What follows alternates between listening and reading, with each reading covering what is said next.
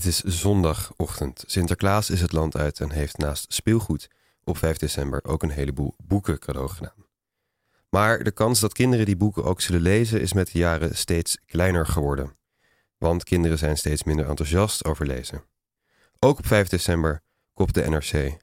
Nederlandse leesvaardigheden onder kinderen ver onder het gemiddelde. En niet alleen kinderen, ook de mensen die kinderen in de eerste plaats enthousiast zouden moeten maken over boeken, namelijk leraren op basis- en middelbare scholen, lezen steeds minder. Sommige leerkrachten lezen zelfs helemaal nooit. Ik heb het natuurlijk over de ontlezing. Mensen lezen steeds minder. Wat zijn de gevolgen van deze ontlezing? En waar komt het vandaan? Is lezen goed voor je? En waar kan je dat aan zien? En waardoor verschilt lezen van andere media? Niet onbelangrijk, hoe krijg ik mezelf weer aan het lezen? Je hoort dit en nog veel meer het komende uur hier bij Radio Zwammerdam. Met deze week ontlezing. Goedemorgen, mijn naam is Tabe Bakker. En hier in de studio zit gasthoogleraar Ira van Dijk van de Universiteit Leiden. Ira maakt zich hard voor leesvaardigheid. Ze is expert jeugdliteratuur en leesonderwijs en co-redacteur van het boek Omdat lezen loont, op naar effectief leesonderwijs in Nederland. Goedemorgen Ira. Goedemorgen. En uh, tegenover Ira zit Lisa Vase. Lisa is boekhandelaar en geeft leesbevorderingsles op scholen. Ze stond al op haar 21ste voor de klas en heeft sindsdien de master jeugdliteratuur afgerond te Tilburg. En is ondertussen eigenaar van niet één, maar twee boekhandels. Ook goedemorgen, Lisa. Goedemorgen. Ook hier in de studio, tegenover mij, zit uh, co-presentator Max. Max, heb jij nog boeken voor Sinterklaas gekregen? Goedemorgen. Ja, ik heb uh, het boek De Glimlach van de Aarde gekregen. Over het oeuvre van Albert Camus. Ben je van plan te lezen? Ik heb de inleiding gelezen. Heel goed, heel goed. Ira, heb jij boeken gekregen voor Sinterklaas? Nee, ik krijg niet zo vaak boeken, omdat mensen denken dat ik ze allemaal al heb. dat is wel het nadeel van uh, hoogleraar in de letteren zijn, hè? Ik heb wel veel boeken cadeau gedaan. Over boeken cadeau gegeven. Uh, Lisa, jij hebt denk ik grote kans nog wat boeken verkocht aan Sinterklaas. Zeker. Is er iets opgevallen? Um, ja, dat toch heel vaak mensen boeken kopen uh, die in de media verschijnen of de, waar iets over verteld wordt. Mensen laten zich niet graag verrassen. Precies. Dus, het, dus het, de, de, de geest is er nog wel. Mensen denken wel. Zeker. Nee, heel erg. Ja, ja, ja. Goed, ja. Um, Ira, jij hebt een vierdelig stuk gepubliceerd in De Groene. Samen met uh, Marie-José Klaver. Uh, hierin beschrijf je het fenomeen uh, ontlezing uitvoerig. Dus voor jou deze vraag. Ontlezing, wat is dat? Waar hebben we het over? Kan je dat even heel kort.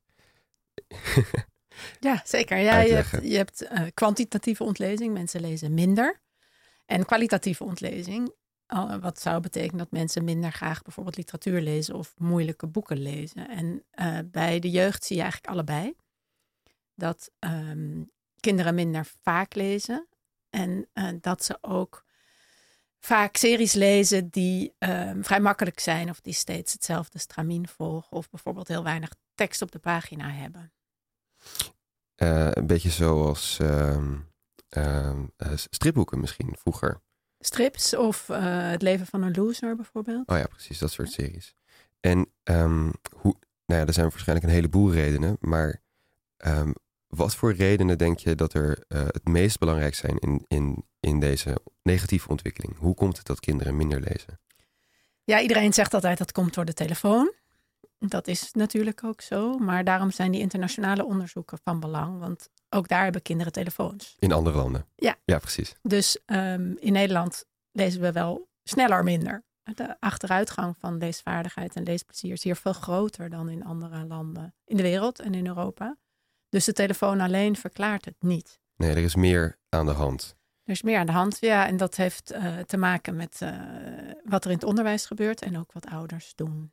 Gaan we het komende uur over hebben. Lisa, jij geeft dus um, workshops, mag ik dat zo zeggen? Ja, het zijn wel gewoon echt lessen. lessen. Er zit wel een, uh, zit wel een leerlijn in. Ja. Op scholen? Ja. Om kinderen aan te moedigen. Ja. ja. Uh, en kennis te maken met dingen die ze nog niet kennen. Dat is natuurlijk wat Ira ook zegt. Kinderen lezen heel graag comfortabel in zo'n serie. En Leven van een Loes is heel veilig. En ik denk dat je uh, ja, de horizon van kinderen kunt verbreken door ook andere dingen aan te bieden die ze vaak niet kennen. Wat, wat doe jij dan precies in dit soort uh, lessen? Nou ja, wat ik heel erg probeer is dus um, haakjes te vinden. Kijk, nou, kinderen zijn net als volwassenen. Ze, heel, ja, ze willen iets wat ze kennen. Het is, het is spannend om iets buiten de lijntjes te, te gaan lezen. Dus bijvoorbeeld als je het over Leven van een Loser hebt, het is eigenlijk een dagboek. Nou, ik heb dan op een school lessen gegeven over dagboekgenre. Want als je Leven van een Loser leuk vindt, dan, dan zie ik het als mijn taak dat je kinderen wel op een hoger niveau gaat krijgen. Van als je misschien een leven van een loser leuk vindt. Hey, kan je misschien ook Ernst Sassen denken over een dagboek. En ik, want wat ik wel probeer is dus niet zeggen dat leven van een loser fout is. Of dat, dat vind ik ook niet. Maar ik vind wel dat je kinderen gewoon een trappetje omhoog. Een ander soort dagboek. Ja, Anne Frank is ook een dagboek. En kinderen vinden dat prachtig. Ja, ik denk dus dat je trapgewijs kinderen andere dingen kunt aanbieden. Dus je probeert ze bij te brengen dat er uh, meer is. Ja, precies. precies. Ja. Uh, en dat ben jij gaan doen nadat jij uh, heel lang zelf op de basisschool les had gegeven. Ja. En was je daar ontevreden over hoe, hoe lezen werd gegeven? Ja, dat vind ik wel een ingewikkelde vraag. Kijk, weet je, ik ben altijd heel gepassioneerd geweest over jeugdboeken. Dus ja, ik zag natuurlijk wel collega's bij wie het anders was. Maar ik begrijp ook hoe dat komt. nou, ik was heel jong dat ik juf werd. En dus toen, tien jaar later, dacht ik, ja, is dit het nou? kreeg de kans met de boekhandel. En zo ben ik verder gegaan. En toen ben ik ook de master jeugdliteratuur gaan doen. Omdat ik heel erg van lesgeven hou. En ik wilde wel iets met mijn passie voor jeugdliteratuur doen. En uh, ja, die twee dingen wilde ik combineren. Um, even een vraag voor jullie allebei. Ik denk eerst naar Ira. Het leesonderwijs, of misschien beter het vak Nederlands. Waar is dat op gericht nu? Waar gaat dat over? De middelbare school? Ja. Of de basisschool? Ik denk, ja, eerst doe maar, doe maar de middelbare school. Ja. Want op, nee, ik heb op de basisschool volgens mij geen Nederlands gehad. Ja, heel veel Nederlands, maar niet ja, taal precies. Daar heet de taal. Ja. ja. maar ook dat is Nederlands. Ja, nee, dan heb je, daar zeg je maar wat. nou, ja, laten we met de middelbare school beginnen. Um, een van de problemen is dat um, de afgelopen 20, 30 jaar is er heel veel nadruk geweest op leesstrategieën. Dus er zijn er heel veel uh, behoorlijk saaie teksten op behoorlijk saaie manier gelezen. En ik moet echt benadrukken dat dat niet aan de leraren ligt, maar aan de methode en aan de uh, kerndoelen en eindtermen die zij kregen.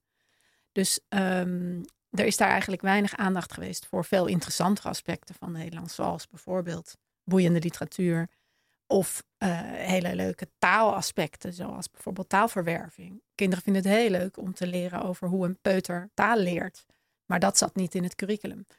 Dus het was eigenlijk een vrij saaie invuloefening van een bepaalde vorm van lezen, die ook nog in de praktijk helemaal niet hielp bij het lezen van moeilijke teksten, bij bijvoorbeeld geschiedenis of aardrijkskunde. Het is, het is een heel specifiek trucje waar je eigenlijk ook nog eens niet zo heel veel aan hebt, bleek uit onderzoek. Dat is nu gelukkig het goede nieuws, is dat is aan het veranderen.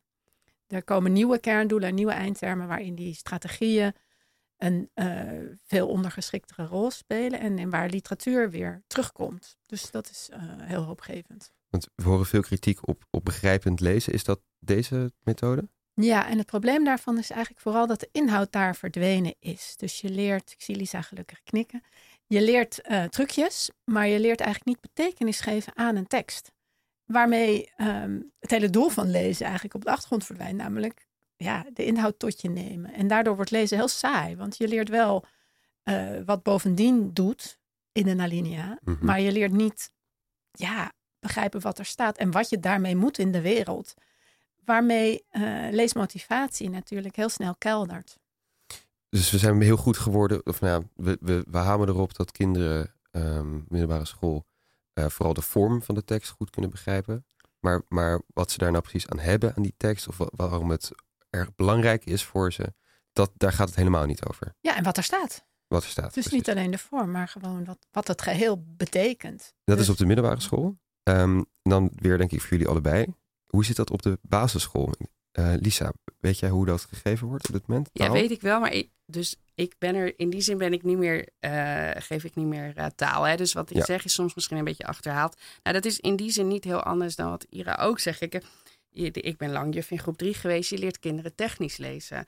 Dus ja, je leert ze gewoon boom, ik. Ja, en, daar, en dat moet sneller. En dan uh, ja, ben je daar gewoon heel veel mee bezig. En je moet bepaalde scores halen. Ja, je bent niet bezig met het leesplezier of wat voor soorten verhalen er zijn. Er is daar helemaal geen leerlijn in op een school. Er zijn geen literatuurlessen op school.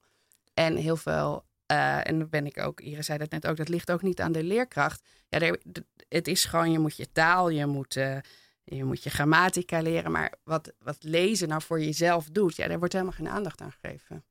Ja, en dat, gaat, dat is niet alleen in groep 3. Groep, nee. Groep 7, 8, je ziet bijvoorbeeld iets als nieuwsbegrip, wat in 90% van de basisscholen wordt gebruikt.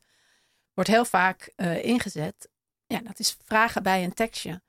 En heel vaak hoeven leerlingen de tekst niet eens te lezen. Die gaan gewoon naar die vragen en dan zoeken ze de antwoorden snel op. Ja, want je hebt die strategieën geleerd. Hmm. Ja. Dus je hoeft eigenlijk, dus er wordt eigenlijk ook worden er gewoon veel te weinig woorden eigenlijk gelezen ja. in zo'n les en te weinig het, het, plezier of de coherentie van, van, een, van een tekst eigenlijk begrepen. Dus dat zijn de leerdoelen, dat is hoe het gegeven wordt. Maar er is een, een soort grotere uh, ontwikkeling of een grotere angst misschien, beschrijf jij, Ira, in uh, dat stuk waar we het over hadden in De Groene. Um, leesangst. En dat speelt ook bij docenten en bij mensen die de PABO doen. Um, hoe zit dat? Ja, je krijgt heel snel een neerwaartse spiraal. Als je dit zelf niet geleerd hebt, um, bijvoorbeeld uh, op het VMBO, hoef je eigenlijk uh, geen literatuur te lezen. En je hebt daar ook geen geschiedenisles, dus weinig vakken met lange teksten. En vervolgens ga je naar het MBO, waar uh, Nederlands ook um, bijvoorbeeld niet door bevoegde docenten gegeven hoeft te worden, Hm. nu nog. En dan ga je naar de PABO. Uh, dan heb je eigenlijk bijna nooit gelezen. En als je vervolgens les gaat geven, dan heb je ontzettend weinig ervaring met ook je soms zetten aan een wat moeilijker boek met wat moeilijkere taal of een wat langer boek. Er zijn dus docenten, Merel van Vroonhoven schreef er toevallig deze week over, die sinds de basisschool geen boek meer hebben gelezen en toch voor de klas staan. Dat bestaat. Komt dat allemaal door uh, die leerdoelen waar we het over hadden en die strategieën? Ja, nou het komt omdat in de leerdoelen uh, literatuur tot nu toe, de kerndoelen ontbrak het woord literatuur bijvoorbeeld. En hm. um, we zijn in Nederland heel terughoudend in het stellen van eisen aan bijvoorbeeld hoeveel boeken er gelezen moeten worden in de klas. Dus heel veel vrijheid voor docenten om dat zelf in te vullen. En dat is een groot goed. Maar tegelijkertijd is daardoor de lat steeds lager komen te leggen. Dus een leraar hier van de Alan School hier om de hoek, die zei de lat ligt zo laag dat je er bijna over struikelt. Martin Bootsma. Um, en daardoor krijg je een neerwaartse spiraal. Want als die lat zo laag ligt, dan krijg je dus straks kinderen die van de basisschool komen, naar het VBO gaan, naar het MBO gaan en weer voor de klas staan. Er staan ook steeds meer onbevoegden zelfs voor de klas, die, uh, omdat er een lerarentekort is, die nooit een boek gelezen hebben of nooit, een, nooit iets anders hebben hoeven lezen dan het leven voor de loser. Dat is dus in Nederland mogelijk. Ja, het is eigenlijk best wel heel logisch dat daardoor uh, heel veel leraren niet meer weten welke boeken ze hun leerlingen moeten aanbevelen. En ik krijg ook, als ik het hierover heb, heel vaak de vraag: maar wat moet ik dan lezen? Waar kan ik dat vinden? En er zijn ontzettend veel websites en platforms ja. en leesbevorderingsinstellingen. En tegelijkertijd hebben we niet een doorlopende leeslijn jeugdliteratuur. Er is zeg maar niet één geheel. Het is dan allemaal losse stukjes. Precies. Dus um, je krijgt een soort, jij noemt het in je stuk volgens mij het, het Petrus-effect, toch? Wat je niet hebt, kan je ook niet weggeven als docent. Ja, en het probleem is ook dat, um, dat met heel veel van die um, interventies en leesbevorderingsmaatregelen worden eigenlijk de kinderen aan de bovenkant bereikt. Oh ja? Dus uh, bijvoorbeeld vrij lezen, wat nu vrij populair is met recht en reden, wordt in heel veel klassen nu een half uur per dag of een kwartier per dag vrij gelezen. En ook daar blijkt dat alleen de leerlingen die al goed lezen ervan profiteren. En dat geldt voor heel veel interventies. En dat de onderkant eigenlijk uh, bij vrij lezen lijkt het er zelfs op dat kinderen aan de onderkant slechter gaan lezen. Want uh, die zijn dan, die hebben moeite met dat lezen, die zijn minder goed geconcentreerd. En die missen daardoor een kwartier taalles. Hm. Dus, um, dus dat vrijlaten, dat, dat, daar krijg je niet iedereen bij mee. Want... Nee, je moet iets doen dat heet verrijkt vrijlezen, waarbij je dus veel meer oplet. Um, wie wat leest en um, dat je niet zeg maar iedereen het leven van een loser laat lezen. Nou, zei je net dat uh, Nederland hier uh, uh, erger in is dan andere landen. Dus het kan niet alleen maar de, nou, die ongrijpbare vijand van de digitalisering zijn. of de grotere ontwikkeling, ja, hoe moet je dat nou noemen? Alles moet steeds sneller. Um, het is een beetje... De zepcultuur. De zepcultuur, ja, de versplintering. Ja. Um, Waarom is dit, is dit in Nederland nou alleen maar erger uh, omdat we dat onderwijs zo vreemd geregeld hebben? Of is Nederland gewoon een, een, een land dat van snelheid houdt? Uh, zit, ik, zit ik te filosoferen? Is, is zeppen erger in Nederland? Heb je daar een idee over? Ik heb wel een soort vermoeden dat we in Nederland sneller bereid zijn ons cultureel erfgoed over de schutting te kieperen in ruil voor neoliberale ja. winsten. we zijn natuurlijk een kapitalistisch land en we zijn sinds uh, uh, lange tijd ook een sterk neoliberaal land. En um, anders dan bijvoorbeeld Frankrijk, waar uh, kinderen op, op hun zesde de fabels van La Fontaine leren opzeggen. En dat, dat klinkt altijd heel nostalgisch en ook wel elitair. Maar het is natuurlijk heel erg goed om kinderen versjes van hoge kwaliteit uit hun hoofd te laten leren. En op die manier rijkdom van taal, van ritme, van rijm. Allemaal, al die kinderen in Frankrijk kunnen dat. Mhm. En in Nederland het idee dat alle kinderen de Spin Sebastiaan zouden kennen, dat is ondenkbaar. Dat, dat eisen we niet. En dat krijgen dus ook PABO-studenten, krijgen dat niet op de PABO. Dus uh, we hebben ongelooflijk, ongelooflijk hoge kwaliteit jeugdliteratuur, die internationaal ook in heel hoog aanzien staat. Die wordt vertaald en verkocht. En um, het idee dat we in Nederland iets moeten doen met dat cultureel erfgoed is uh, gewoon laag. We hebben in die zin weinig hoge eigendunk.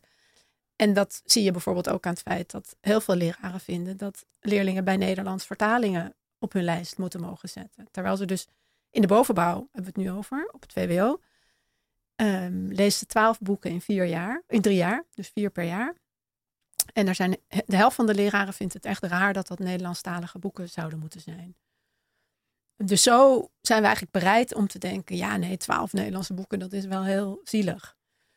Ja, Nederlanders schuiven zichzelf misschien graag weg. Of schrijven zichzelf niet graag weg. Hun eigen cultuur wel. Ja. Gaat dat veranderen nu Wilders aan de macht is? Ik vraag me af. Dit, ja, het is niet, je kan veel van hem zeggen, maar hij is niet iemand die zegt uh, de Nederlandse, stoel, uh, Nederlandse cultuur onder de tafel schuiven. En, dat roept hij maar, uh, hij wil rekenen en taal op de eerste plek zitten. Iets wat in, door andere onderwijsexperts juist onderwijsveroudering wordt genoemd. Maar ja. wat voor invloed gaat dat hebben op uh, onze ontlezing? Ja, die vraag vreesde ik al. Wij hebben als Neerlandici grappen we onderling inderdaad wel eens dat wij best gebaat zijn bij rechtse overheden die uh, pleiten voor vanuit nationalisme voor Nederlandse erfgoed. Maar Neerlandici pleiten eigenlijk om die reden voor Nederlandstalig erfgoed. Dus ook voor teksten uit Suriname of Indonesië of uh, Zuid-Afrika. Dus dat is één ding waar je juist op kan wijzen in deze tijden.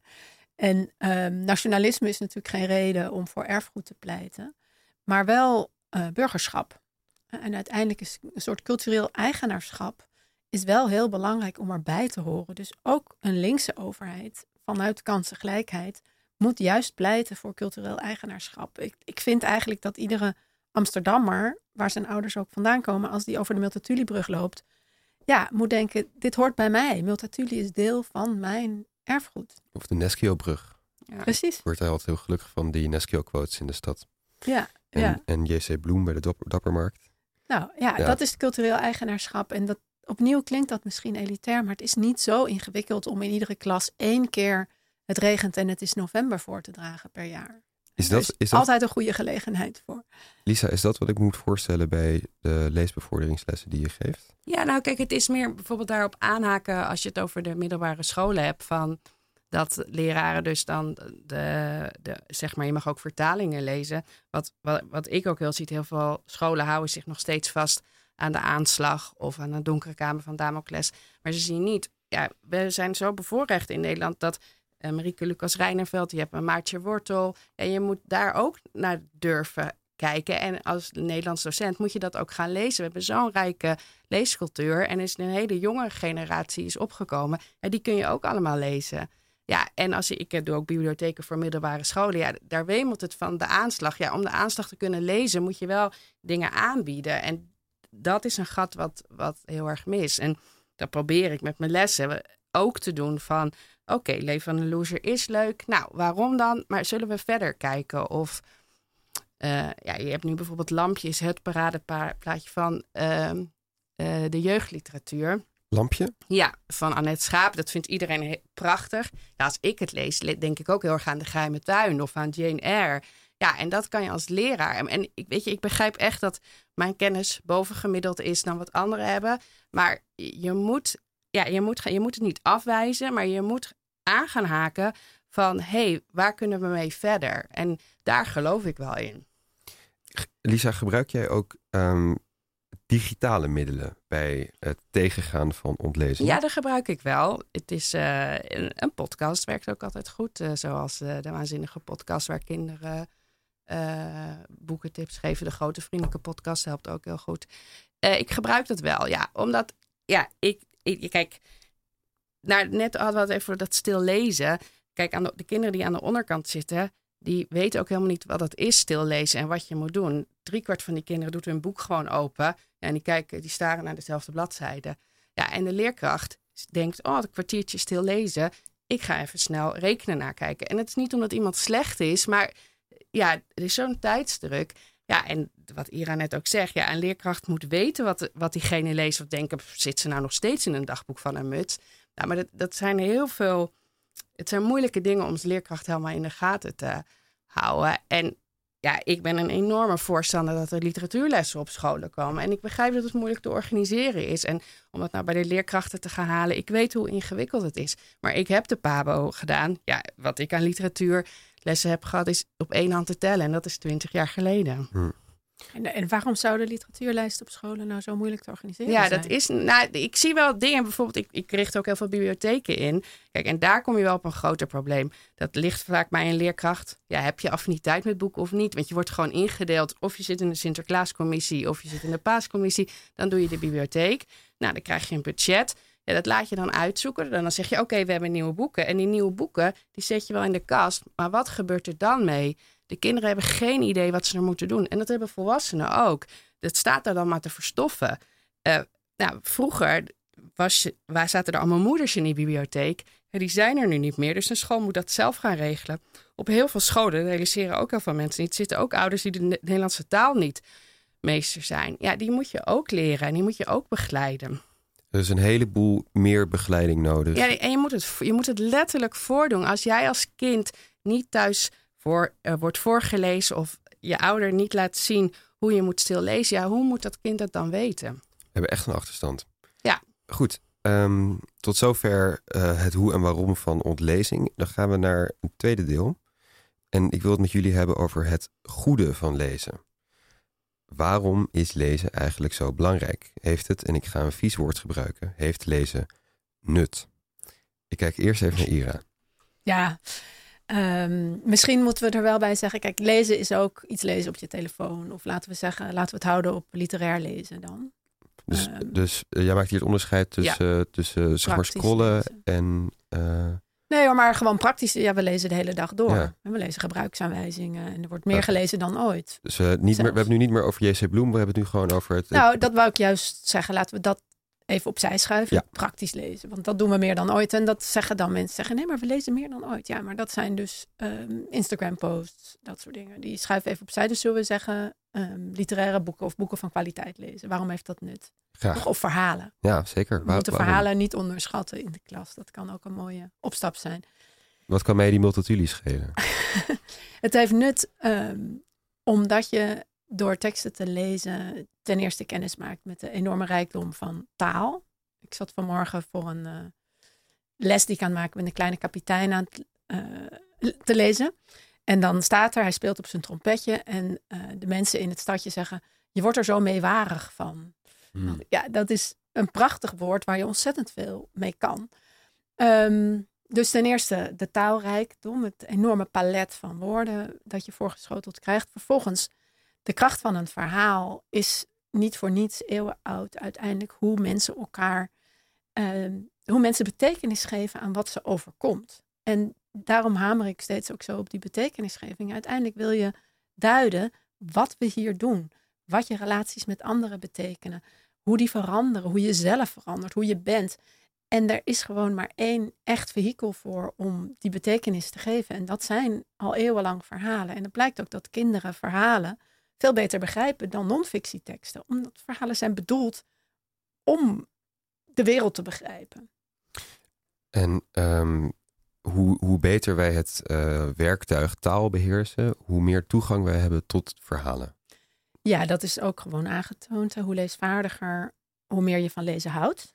Maar dit soort um, ja, verhalen. Ik, sorry, ik ga toch advocaat van de duivel um, spelen hier. Dit soort verhalen worden ondertussen ook uh, verfilmd en in plaatjesboeken aan de man gebracht, waar het woord meewarig niet wordt gebruikt.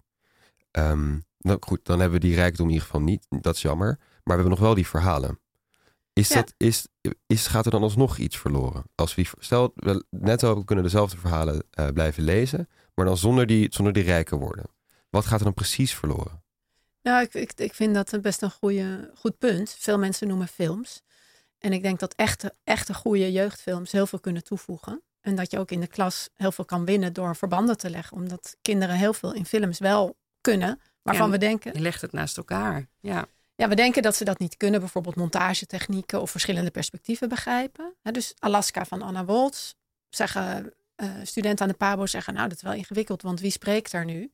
Ik denk, ja, maar in series en films zijn kinderen dat volkomen gewend dat de camera standpunten wisselen. Dus je kan heel veel in de literatuurles met film. En films kunnen ook veel, maar ten eerste mis je de rijkdom aan taal. Maar je mist ook uiteindelijk het um, representeren van denkwerelden en wereldbeelden. Dus film blijft in dat opzicht toch een uh, ander medium waarin je gedachten en gevoelens veel moeilijker weer kan geven dan in taal. Dus het inlevingsvermogen en uh, fantasie gebruiken, dat soort dingen. Heb je allemaal wel bij boeken. Ja, en, en, niet, en de complexiteit van gedachten. Ja, het is oppervlakkiger. Het is uiteindelijk oppervlakkiger, ja. En uh, je kan wel uiteindelijk gedachten suggereren in een film of met een voice-over, maar dat blijft eigenlijk allemaal toch vrij onbeholpen als je het vergelijkt met gedachten in een, uh, in een boek. En hoe, hoe zit het dan met een audioboek? Ja. ja, er is net een scriptieprijs gewonnen door Laurie Bastemeijer. Zoek haar op. Um, met een scriptie over audioboeken en over karaoke lezen. Um, dus daar kunnen we alles uh, uh, in vinden. Karaoke en, lezen? Ja, dat is eigenlijk heel erg zinvol, laat zij ook zien. Waarbij dus de leraar voorleest of een audioboek opzet als hij zelf niet goed kan voorlezen. En de leerlingen lezen mee Oh, oké, dat is karaoke lezen. Ik, en dat ja, ik zat bij de, de, de, nachtclub met het uh, ja, microfoon. Maar dat is uh, super nuttig natuurlijk, want dan zien ze het woordbeeld en uh, ze hebben dat leestempo omdat die stem voorleest. Dus dat is, zij laat zien dat dat allebei ook buitengewoon zinvol is. Maar dat is dus weer met en het lezen en het geluid erbij, maar zonder het woord erbij of zonder de tekst erbij. Is ook prima. Gewoon een audioboek luisteren is ook oké, maar je, je krijgt zeg ik het even uit mijn hoofd. Um, je krijgt iets minder inzicht in tekststructuren als je luistert. Je kan uiteindelijk heb je wat minder. En tekststructuur is heel erg belangrijk voor tekstbegrip. Dus het is uiteindelijk moeilijker om een overzicht te krijgen over de tekst als je luistert. Maar het is zeker een uh, goed alternatief. Dus al die leerlingen die Storytel gebruiken voor hun leeslijst, beter dan dat ze het helemaal niet lezen. Ja, dat is voor de verhalen in ieder geval een goed alternatief. Maar dan blijft er nog een heel groot deel tekststructuur en tekstbegrip over. Ja, zeker. Ja.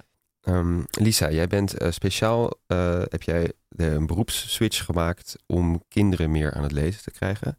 Ja, je maakt het nu wel romantisch. Nee, ja, nee, nee, kijk, ik was gewoon heel jong dat ik, dat ik uh, juf was. En dan op een gegeven moment denk ik, ja, is dit nu alles? En ja, ja, ik heb van groep 3 tot en met groep 8 les gegeven. En ik hou, ja, kijk, dat is natuurlijk ook mijn passie. Ik hou heel erg van lezen. En ja, dat kon ik niet helemaal kwijt, want ik moest ook gewoon rekenen uitleggen of aardrijkskunde of hm. natuur of tekenen. Um, dus ik was, ik was zoekende. En uh, uh, toen ik stopte, wist ik wel dat ik altijd wel weer die link met het onderwijs wilde houden. Ja, en dat was met lezen. We ja. hebben net gehoord uh, dat, we de, dat we die rijkdom van het palet, dat dat belangrijk is om te, ja. om te kennen. dat we onszelf kunnen tegenkomen in verhalen, inlevingsvermogen. nou, omdat jij dus zo'n switch gemaakt hebt, lijkt alsof je je leven in teken staat van het andere mensen aan het lezen krijgen. Je hebt een boekhandel. Ja. Uh, wat denk jij? Waarom moeten andere mensen, waarom moeten mensen lezen? Nou, omdat je je ook gewoon heel erg kan identificeren in verhalen. Dus je herkent, uh, je, je kan je herkennen in verhalen. Ja, en het is ook kinderen die veel lezen zijn ja, begrijpen ook heel veel sociale vaardigheden. Je, je, kan je soms ook gewoon veel beter staande houden. Ja, in de echte wereld klinkt gewoon gek. Maar ja, ja je, je, je hebt erover gelezen. Je, je ziet dat het ergens anders ook is. Ja, kinderen die veel lezen zijn ja, is gewoon veel sociaal vaardiger. Hun woordenschat is, ja, is veel groter. Um, ja, en ja, lezen is is gewoon ook ontzettend een plezierige activiteit om te doen. Je, ja, het geeft je energie. Je gaat over dingen nadenken. Allemaal luikjes in je hoofd worden opengezet. Ja, dat is zo ontzettend belangrijk. En je maakt gewoon kennis met allemaal verschillende culturen en verhalen. Ja. Het leesplezier. Ja. Nou ja, dus dat is wel een belangrijke aanvulling. Ja. Het is niet alleen kennis maken met jezelf, maar ook met de ander. Ja. Dus je leert je verplaatsen in andere werelden, maar ook in hoe een ander zich voelt. Ja. Dus uh, dat is voor, nou ja, voor samenleven, burgerschap en sociale vaardigheden uh, cruciaal. Ja. Nou, uh, dat is allemaal heel duidelijk. We, u luistert naar Radio Swammerdam en we gaan nu luisteren naar de column van Charlotte Remarque, uh, literatuurcritica, uh, onder andere bij de Groene Amsterdammer. Die heeft het ook over leesplezier. Laten we even luisteren. Ik zou me willen richten tot de tieners over wie het nu steeds gaat in de kranten. Dag jongens en meisjes, het klinkt niet best. Van leesvaardigheid en hoe die gemeten wordt heb ik geen verstand. Maar ik blijf haken bij een woord dat vaak valt in de context van jullie ontlezing: leesplezier. Plezier is een ingewikkeld woord in dit geval. En plezier betekent meestal niet dat je het beste uit jezelf haalt. Als ik nu zou toegeven aan mijn idee van plezier, zou ik een fles port en een pak kaasvlinders in mijn nachtkastje bewaren en nooit meer mijn bed uitkomen om te werken. Maar zo werkt het leven niet. En uiteindelijk zijn het de dingen waarvoor je met tegenzin je schoenen aantrekt die het leven waardevol maken. Een paar jaar geleden was ik zo'n beetje gestopt met lezen. Ik had een drukke stage en als ik uitgeput thuis kwam, zat ik niet te wachten op verrijking, eerder op plezier. Ik heb toen heel wat uren van mijn leven weggescrolld op Insta en Twitter en TikTok en daarvoor nog op Tumblr. Het is een gewoonte waar ik nog steeds niet helemaal van af ben. Ik heb geen zin om onderzoeken te citeren waarin ze ratten op TikTok hebben laten scrollen tot ze er ziek van werden. Maar ik denk dat jullie het zelf ook wel merken. Hoe je van scrollen leeg en onbevredigd en tegelijkertijd veel te vol en overprikkeld wordt. Als ik een paar dagen in een internetgat ben gevallen en ik dus mijn aandacht heb verdeeld over duizenden onsamenhangende dingetjes, waarvan ik er geen één onthouden heb, dan voelt mijn hoofd daarna net zo onrustig en onsamenhangend. Te traag om een heldere gedachte te formuleren. Laat staan om een hoofdstuk te lezen, zonder dat mijn ogen over de bladzijden stuiteren, op zoek naar beeld of geluid. Het klinkt allemaal heel grimmig, maar de schade is denk ik niet permanent. Ik moet het lezen dan gewoon weer oppakken, langzaam, soms moeizaam. Soms door eerst iets makkelijks te lezen. Eerst een alinea, dan een pagina, dan een hoofdstuk. Tegen het einde gaat het dan wel weer dan heb ik denk ik weer zoiets als een conditie opgebouwd. Misschien lijkt het wel het meest op je lichaam trainen. Ik denk dat mensen van een andere generatie daaraan voorbij gaan als ze het hebben over leesplezier. En zelf nostalgisch terugdenken aan een tijd dat ze stripboeken kochten voor een dubbeltje of wat dan ook. De mensen die zich druk maken over de ontlezing onder jongeren hebben vaak een nogal beschuldigende toon. Alsof de jeugd van tegenwoordig, die de verantwoordelijkheid gekregen had om ons cultureel erfgoed te beschermen, uit onverschilligheid of karakterzwakte is gestopt met lezen. En alsof zij, de oudere generatie dan, in hun jeugd uit louter toewijding aan de literatuur dag in dag uit aan het lezen waren. In hun tijd vergde het simpelweg niet de enorme wilskracht die het vandaag de dag vergt om te kiezen voor lezen, boven dingen die echt plezierig zijn. Nu je weet dat het niet je eigen schuld is dat je veel te weinig leest, dan toch een pleidooi om te kiezen voor literatuur. Als je een noodlijdend literair tijdschrift opent, word je helemaal doodgegooid met maatschappelijke redenen om te lezen. Je zou er democratischer van worden. Maar een beroep om iets te doen waar je geen zin in hebt, alleen om een hoger doel te dienen, daarvan snap ik dat het niet altijd aankomt. Laat ik dan nu zeggen dat je het niet voor de samenleving hoeft te doen, maar geheel en al voor jezelf. Daar bedoel ik het volgende mee. Als je literatuur leest, dwing je jezelf om je aandacht lang op één gedachte te houden daar gaat je hoofd gewoon van aan. Je voelt iets op gang komen dat niet op gang komt bij andere dingen, hoe leuk ze ook zijn. Je blik wordt scherper. Je weet je eigen gedachten beter te begrijpen en te ordenen, waardoor je beter doorhebt wat je echt vindt van dingen. Paradoxaal genoeg lijkt het oneindige internet zich zo te concentreren op steeds maar dezelfde dingen dat een boek openslaan van zelfs een paar jaar geleden je oog in oog zet met een volledig andere taal en volledig andere denkbeelden. Je leest die dingen je bent het er misschien niet mee eens of je vindt ze schandalig ouderwets. Maar je weet in ieder geval wat je zelf vindt, omdat je niet rikketikketik op de gedachten van duizend anderen aan het reageren bent, maar een lang gesprek aangaat met één iemand. De schrijver. Het is echt niet allemaal goed. En je hoeft het ook niet allemaal te lezen. Ik heb me tijdens mijn mondeling net zo goed door de tranen der acacia's heen gebluft. Maar als je het toch blijft proberen, wordt het serieus steeds beter. Je voelt dat je scherper wordt, grappiger misschien. je meer autoriteit hebt als je spreekt. Je voelt je minder eenzaam. Literatuur zit immers helemaal vol met eenzame verschoppelingen. De boeken die je leest, draag je mee. Daar kijk je doorheen naar de wereld. En die lens, als je die eenmaal hebt, wil je nooit meer missen. Dat is niet iets wat je verschuldigd bent aan de samenleving, of aan je school, of aan je studie, of aan je ouders, maar aan jezelf. Het leven is maar schraal zonder die diepgang. Dat meen ik echt, niet alleen vanuit een onderwijsperspectief. Ik weet niet wat jullie willen in het leven: carrière maken, een groots en meeslepend liefdesleven hebben, muziek maken, de wereld redden, activist worden of politicus, kinderen krijgen, of gewoon goed gezelschap zijn voor jezelf en andere mensen. Maar in al die dingen word je veel en veel beter als je jezelf optrekt aan wat de literatuur te bieden heeft.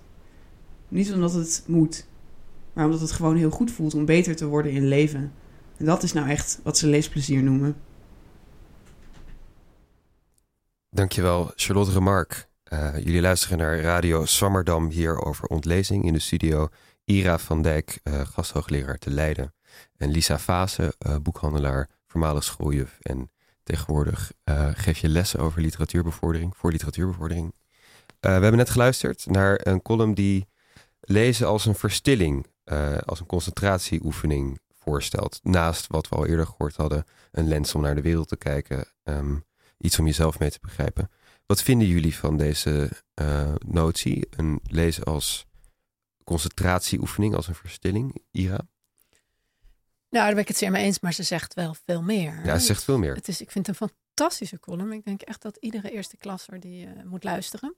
Dus uh, moeten we eens even flink gaan verspreiden. Ja, gaan we heel, heel enthousiasmerend. Um, en verstilling klopt ook. Uh, Paulien Cornelissen zei ook deze week in een column, vond ik ook heel mooi, van er was een slogan, lezen dan ben je nooit alleen.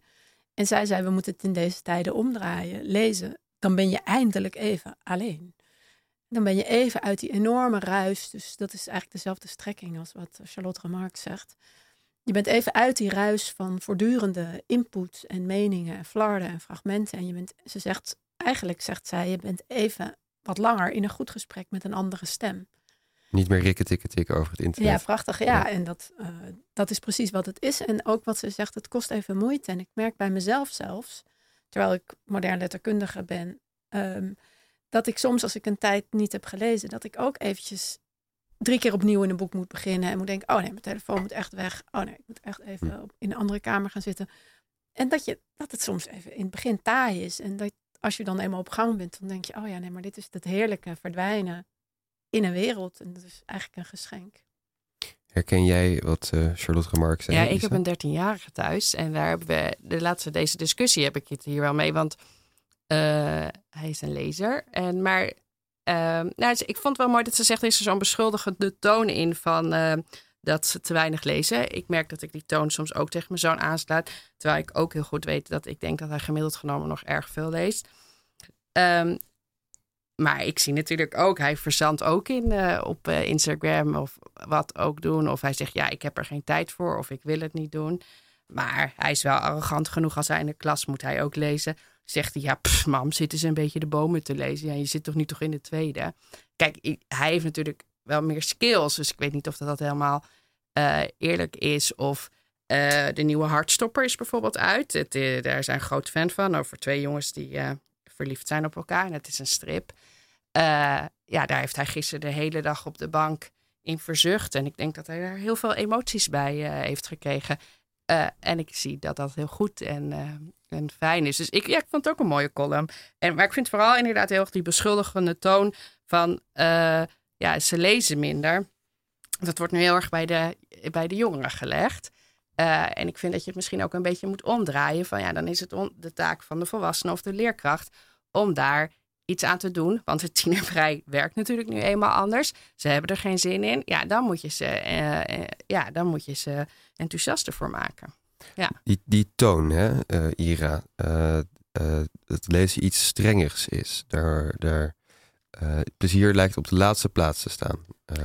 ja, die discussie komt dat, veel. Ja, ik denk ook dat voor wat Charlotte beschrijft, zou je de term leesvoldoening beter kunnen gebruiken. Dus ik denk dat, dat je in de school moet streven eerder naar leesvoldoening dan naar leesplezier. Omdat dat plezier heeft in ieder geval in de ervaring van leraren iets heel consumentistisch gekregen. Dat, Mhm. moet gewoon, dat is het, de snelle kick eigenlijk. En dat krijg je gewoon niet van een goed boek. Fles, flesport en uh, wat zei ze, kaas? Ja, dat is uh, plezier, precies. Terwijl wat zij beschrijft is eigenlijk voldoening. Iets waar je iets meer moeite voor hebt gedaan en um, wat vervolgens meer bevrediging oplevert. Dus ik denk dat we daar naartoe moeten. Maar kijk, het probleem is natuurlijk dat jongeren zijn altijd onderwerp in de zin jongeren lezen minder. Maar er zijn eigenlijk heel weinig analyses en mensen zoals ik, leeswetenschappers, die jongeren daar de schuld van geven. De, in de analyses wordt de rol heel erg gelegd bij leraren eigenlijk bij lerarenopleiders en ehm, bij ouders. En het, het, doordrenkt, dat plezier doordrenkt de hele samenleving. En een van de oorzaken daarvan is ook de enorme commercialisering. Je noemde net de boomhut. Ja, je ziet gewoon dat die boomhutboeken, die vliegen de kinderen om de oren, die worden scholen ingebracht, dat soort dingen met, met dus overheidsgeld. Er zit gewoon ongelooflijk veel druk achter hele grote commerciële reeksen waar hele grote internationale uitgevers heel veel geld mee verdienen. En kleine, goede uh, boeken, ja, die belanden minder snel in de klas. En dat, ik was laatst op een voorschool in Nieuw-West. Nou, dat is de plek waar uh, kinderen in aanraking komen met, moeten komen met rijke taal en goede boekjes. Ja, daar lagen allemaal van die, uh, ik weet niet of jullie die kennen, van die Disney-boekjes. Dus het navertellen van een Disney-film. Nou, dat zijn echt verschrikkelijk stomme boeken. De verhalen deugen niet. De plaatjes zijn rechtstreeks uit de films. Dus het enige wat het oproept is een herkenning van de film, maar geen nieuwe talige, interessante wereld. Ja, en die worden dan in zo'n voorschool gelegd in plaats van dat er gewoon een goed programma is waarbij alle voorscholen eenzelfde reeks rijke prentenboeken krijgen waaruit wordt voorgelezen. Dus het is de overheid die faalt, het zijn de scholen die falen, het zijn de voorscholen die falen, maar zeker niet de kinderen die falen. En mag je daar aanhaken, bijvoorbeeld op de voorschool zijn de leidsters zijn lager opgeleid. Ja, je, je kan hun dan niet van hun verwachten dat zij, ik hoop niet dat denigreren dit, dat zij weten wat voor boeken ze moeten. Want er is vaak geen geld. Dus er is waarschijnlijk één leidster is naar de tweedehandsmarkt gegaan. En die heeft die Disney boekjes gehaald. Want die heeft gehoord, ja, ik moet een boekje hebben. Nou, die haalt ze. Die heeft ze er tien voor een euro. Ja, maar je moet wel mensen iets leren. Ja, mhm. dat het kwaliteit heeft. En net als met de boom, het loser, dogman. Die, die komen allemaal die school in. Het is een prestige-object. De kinderen rennen naar die kast en ze houdt zo lang mogelijk in een kastje. De helft leest het helemaal niet. Ze hebben het. Het is status. En dat is het. En ja, dat is soms wel heel uh, verdrietig om te zien. Kijk, en ik heb heel lang in Nieuw-West gewerkt. Dus ik weet hoe het gaat. En ik geef nu ook les op nieuwscholen. En altijd als ik binnenkom, is het yes, nieuwe boeken of yes. Dus in die zin heb je al iets geleerd. Kinderen vinden verhalen leuk. Dus daar ben ik altijd. Kinderen vinden een boek leuk. Je moet alleen uitleggen wat ze ermee moeten. En dat moet je ook aan een leerkracht doen. Precies, dus... dus uh, en aan de ouders is heel belangrijk. We moeten af van het idee van, van plezier en uh, toen naar het idee van uh, voldoening, noemde jij dat, Ira? Mm -hmm. En um, even samenvattend, het ligt echt niet, echt niet aan de kinderen. Het, is, het zijn de omstandigheden. Want als je een kind in de juiste plek brengt, met ja. de juiste boeken, ja. dan gaat er een wereld voor ze open en vinden ze het fantastisch. Ja, en het is oneerlijk. Mijn zoon zit op een VMBOT. Ja, hij, jullie hadden het net over Multatuli. Zij doen daar burgerschap. Ja, hij was de enige die wist wie Multatuli was. Ja, ik begrijp heus wel hoe dat komt. Weet je, hij groeit op in zo'n rijke boekomgeving. Dat heeft niet iedereen. Dus dat is mhm. niet altijd eerlijk.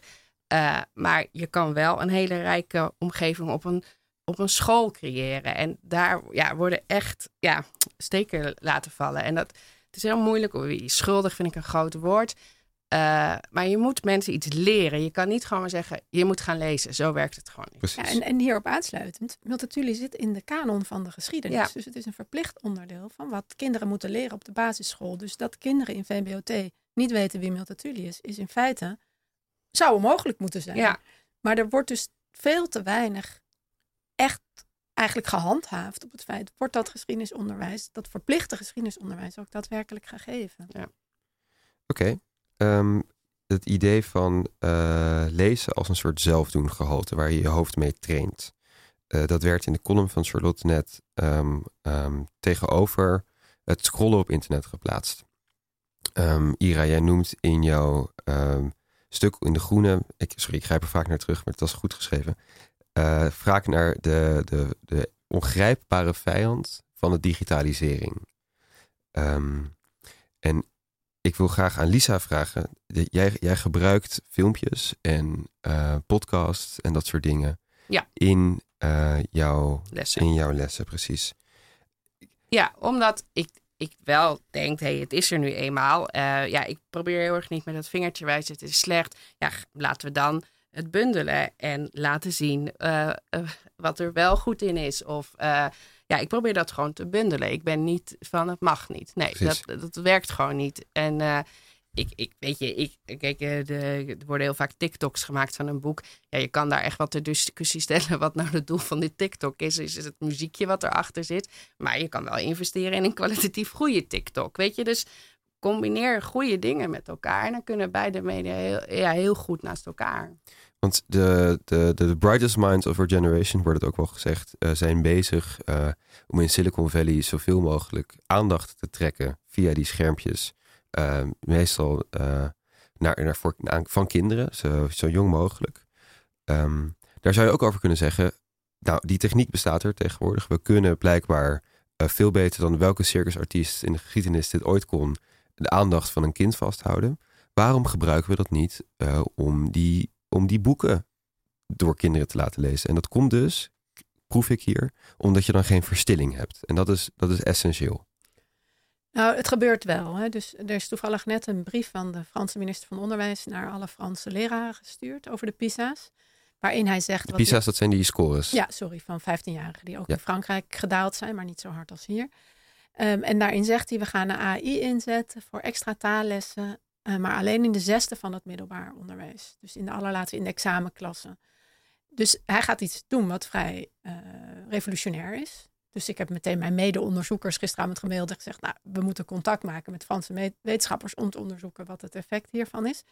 Ik zit zelf in een groot, internationaal of een groot nationaal onderzoeksprogramma, uh, wat net is toegekend aan Els Strongs, wetenschapper uit Utrecht. Waarin ook allerlei um, apps uh, gaan worden uitgeprobeerd om te kijken of dat helpt voor leesbevordering. Er worden digitale uh, lees, begrijpend leestools ontwikkeld. Dus we gaan daar zeker mee aan de slag. En het heeft zeker, je kan allerlei uh, dingen verzinnen. Maar daarbij moet je steeds alert blijven voor de afleiding die de context is. En dat geldt ook voor Max' vraag over de audioboeken. Het risico is dat je die luistert op je telefoon en tijdens het luisteren toch wordt afgeleid door al die andere dingen op je telefoon. Dus de digitale omgeving is tegelijkertijd altijd een aandachtstrekker. Dus dat is een risico. Wat je ook ziet bij al die onderwijstools, is dat je een kind op een app laat zitten, maar ja, dan ben je in twee tellen op die andere app. Dus het zou in principe wel kunnen, uh, zeg maar, de, de, die techniek gebruiken om uh, kinderen, nou ja, de, diezelfde verhalen uh, toe te sturen, zeg maar. Maar dan is het gevaar dat op diezelfde telefoon zit ook de TikTok en de YouTube-app. En de... ja, ja, ik ben een grote fan van de online bibliotheek. Te weinig mensen weten dat je dus voor uh, dat, dat kinderen gratis, tot 18, gratis ongelooflijk veel boeken online kunnen lezen, kinderboeken en luisteren. Um, dus ik zou zeggen, ieder kind zo'n account hm. vanaf zijn vierde of zijn tweede voor mijn part. Maar uh, wees ervan bewust dat die telefoon tegelijkertijd allemaal ook uh, de hele tijd jingles. We weten ook uit die PISA-onderzoeken dat 30% van de leerlingen moeite heeft met het niet reageren op berichten en meldingen tijdens de les. 30%, nou ja. En 30% van de leerlingen is laaggeletterd. Ik weet niet of het één op één is, maar het is wel opvallend. Ja. ja, en het moet gewoon iets toevoegen. Hetzelfde als je met rekenonderwijs digitaal gebruikt. Ja, je kan een leuk rekenspelletje doen. Ja, het moet wel iets toevoegen. Dat is, ik denk dat dat wel is. Mag ik trouwens ook nog iets zeggen, wat nog helemaal niet ter sprake is gekomen? Ja hoor. Um, wat ook wel is, dat jeugdliteratuur in Nederland, daar wordt toch ook altijd een beetje laagdrunkend over gedaan. Want het is net weer in de Volkskrant de top 50 mooiste boeken van het jaar. Er staat één jeugdboek in. Het is ook, het blijft ook heel, ja, er wordt ook altijd een beetje denigrerend over gedaan. Uh, uh, mensen zijn ook gewoon heel erg bang om verkeerde boeken te lezen. het, boek, het, het, boek is van Tjibbe Veldkamp dat er nu in staat. Dat is heel pra dat is prachtig. Uh, en dat boek wordt dan nu ontarmd en dat boek wordt dan nu gekocht. Dat is ook altijd met lampje gebeurd. Maar er is zoveel die je ook als volwassene kan lezen. En ja, daar wordt toch altijd in Nederland een beetje gek over gedaan. Ik, we, hebben het nu de hele tijd over kinderen. Ja. Maar ontlezing zal ongetwijfeld ook bij uh, mensen boven de 20 Ja, maar het is heel opvallend. Bijvoorbeeld uh, Connie Palme, was twee weken geleden, vertelde zij bij Galit en Sophie over een boek wat twee jaar geleden is uitgekomen, een schrijfster. En ik vind het prachtig, dat wil ik er echt bij zeggen. Maar je kan er de donder op zetten. Dag daarna komen al die mensen dat boek kopen. Omdat Connie Palmer er iets over heeft gezegd. Nou, dan heeft ze natuurlijk iets heel goeds gedaan. Want ze heeft er ontzettend mooi over verteld. Maar daarin zie je dus, als je letterlijk over boeken vertelt. Dat is in een klas en dat is ook bij volwassenen zo. Gaan mensen voor dat boek kopen. Dus daarom, kinderen zijn echt enthousiast over lezen. Volwassenen zijn het. Het is alleen een soort oerwoud dat ze niet weten waar moet je zoeken. En ze willen gewoon wat meer aan de hand genomen worden. En... Overigens, om jouw vraag te beantwoorden.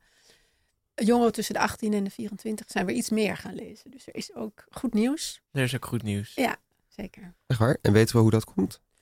Nee, misschien, Op zoek naar die uh, verstilling misschien. Misschien door corona ook wel. En het is een beetje een hype. Hè? We kennen allemaal de linnen tasjes uh, ja. op de Instagram en de booktalks. I love uh, books. Ja, precies. Ja. En um, daarbij is een beetje het risico dus dat ze steeds hetzelfde aangeboden gekregen, krijgen door logaritmes. Charlotte Remarque schreef ook in de Volkskrant: als je BookTok volgt, deze, heb je het gevoel dat je steeds hetzelfde boek leest. Ja. Dus uh, daar is ook inhoudelijk dan nog wel veel te doen. Maar um, kwantitatief is er ook wel iets van hoop. En ja. bijvoorbeeld een Emma Watson van uh, de Harry Potter serie, die promoot ontzettend Jane Austen. Ja, er komen nu allemaal meisjes komen die boeken halen. Ja, dat vind ik ook wel weer Ja, dat is ook grappig. Dat ze, ja, zij probeert hele kwalitatief goede boeken te benoemen. Ja. Uh, maar ja, ik, ik, vind dat niet een verkeerd iets. Dus ja, digitalisering is niet alleen maar uh, de, de, afgrond in. Nee, maar um, als je het hebt over digitale onderwijstools. Hè, op het MBO bijvoorbeeld wordt heel veel digitaal onderwijs gegeven. En deze week was ook in het nieuws dat een kwart van de MBO'ers zelfmoord overweegt. Jeetje. En dat de helft zich eenzaam voelt. En, denk, en dat we juist MBO'ers thuis op een scherm lesgeven. Ja, dat is echt misdadig. Daar moeten we echt heel snel mee ophouden. En onze onvolprezen onderwijsminister Robert Dijkgraaf is degene die de deur heeft opengezet naar de MBO-raad. Ja, hij heeft er heel veel voor gestreden. Hij heeft gestreden voor dat digitale onderwijs. En nu krijg je dus uh, deze cijfers. Ja, we moeten dat niet doen. Je moet jonge mensen niet alleen op een kamer met een scherm zetten. Echt niet. Je moet het niet als vervanging zien van wat dan ook. Nee, echt niet. Je moet in de klas met elkaar, in gemeenschap, uh, ja. taal gebruiken. Ja. Goed. Uh, Max, wel goed dat je het zegt. Uh, wat wij, wij zijn allemaal wat minder gaan lezen. Minder dan we in ieder geval willen, denk ik. Uh, daar wil ik het laatste vijf minuutjes even kort met jullie over hebben. Um, Lisa, heb jij tips? Hoe kan ik mezelf aan het lezen krijgen? Nou, kijk, ik... Een, wel, een welwillend iemand, maar ja. ook wel een telefoon bij zich. Nou, ja, nou, je moet je telefoon wegleggen. Dat moet je dus gewoon doen. Kijk, mijn moeder is net overleden. Hm. Ik lees momenteel veel te weinig. Ik merk dat ik dan... Maar, dus ik verzand ook in die stomme Instagram dingen. Maar ik, merk, ik voel helemaal van binnen dat ik het lezen mis. Dus dan, ik moet die telefoon wegzetten. Ik ja, ik, je kan niet in een soort chaos gaan lezen. Je moet een fijne plek voor jezelf. Je moet even tot rust komen. Ja, zo moet je gaan lezen. Je, je, je, ja, je moet een boek lezen die je leuk vindt. En je moet niet zo bang zijn dat je iets verkeerds leest. Dat merk ik ook, dat mensen zijn zo bang dat het niet literair genoeg is. Ja, leesplezier is zo belangrijk. Ja, als jij de Zeven Zussen leest, vind ik, ga het gewoon lezen. En kom dan naar mijn winkel en dan zeg ik, hé, hey, zullen we iets anders gaan lezen? Ja, als jij als kind Anna Woltz leuk vindt om te lezen, ja, weet ik wel iets anders. Maar je moet een plek voor jezelf creëren om ja, lekker te gaan lezen. En je moet je, je willen verdiepen in iets. Ja. Duidelijk, duidelijk. Uh, Ira, heb jij een tip? Ja, helemaal eens. Er zijn ook hele goede apps voor. Hè? Ook apps, ja. ja. Ik ben ja. fan van Freedom. Ja. En dan staat er gewoon als je op internet wel, you are now free from internet. Hmm. Um, dus dat zet je dan bijvoorbeeld in eerste instantie voor een half uurtje zet je die aan. En dan kan je telefoon niks meer. Hm. Dus dat is al heel goed. Creëer die ruimte en inderdaad sta jezelf toe. En ik vind uh, inderdaad ook beginnen met jeugdliteratuur is vaak een tip. Dus uh, als mijn dochter is 18, die leest ook graag. Maar als ze even een dipje heeft om een of andere reden. Dan zeg ik, oh, zullen we lekker de nieuwe Anna Woltz kopen? En dan gaan we samen Anna Woltz lezen, wat dus voor een 13-jarige is. En dan ja, dan leg je de drempel even iets lager voor jezelf. En van daaruit kom je er dan weer uit. Dus een kinderboek is eigenlijk... Er zijn heel veel mensen die veel van jeugdliteratuur houden. Dus dat kan ook een manier zijn. En bijvoorbeeld, ik vind een young adult is dan ook een hele goede. Ook voor een 24-jarige. Duidelijk. Dus uh, als je het niet kan, zoek het gewoon iets lager op. Maar blijf wel je best doen. Dat is een beetje de strekking. Ja. Um, nou, dit was Radio Swammerdam uh, van zondag 10 december. Ik wil graag uh, Max Waterreus bedanken die tegenover mij een paar hele goede vragen gesteld heeft. In de techniekhoek kijk, hok, kijk ik naar Momo Schaap, dankjewel. Hij heeft de jingle alvast ingezet.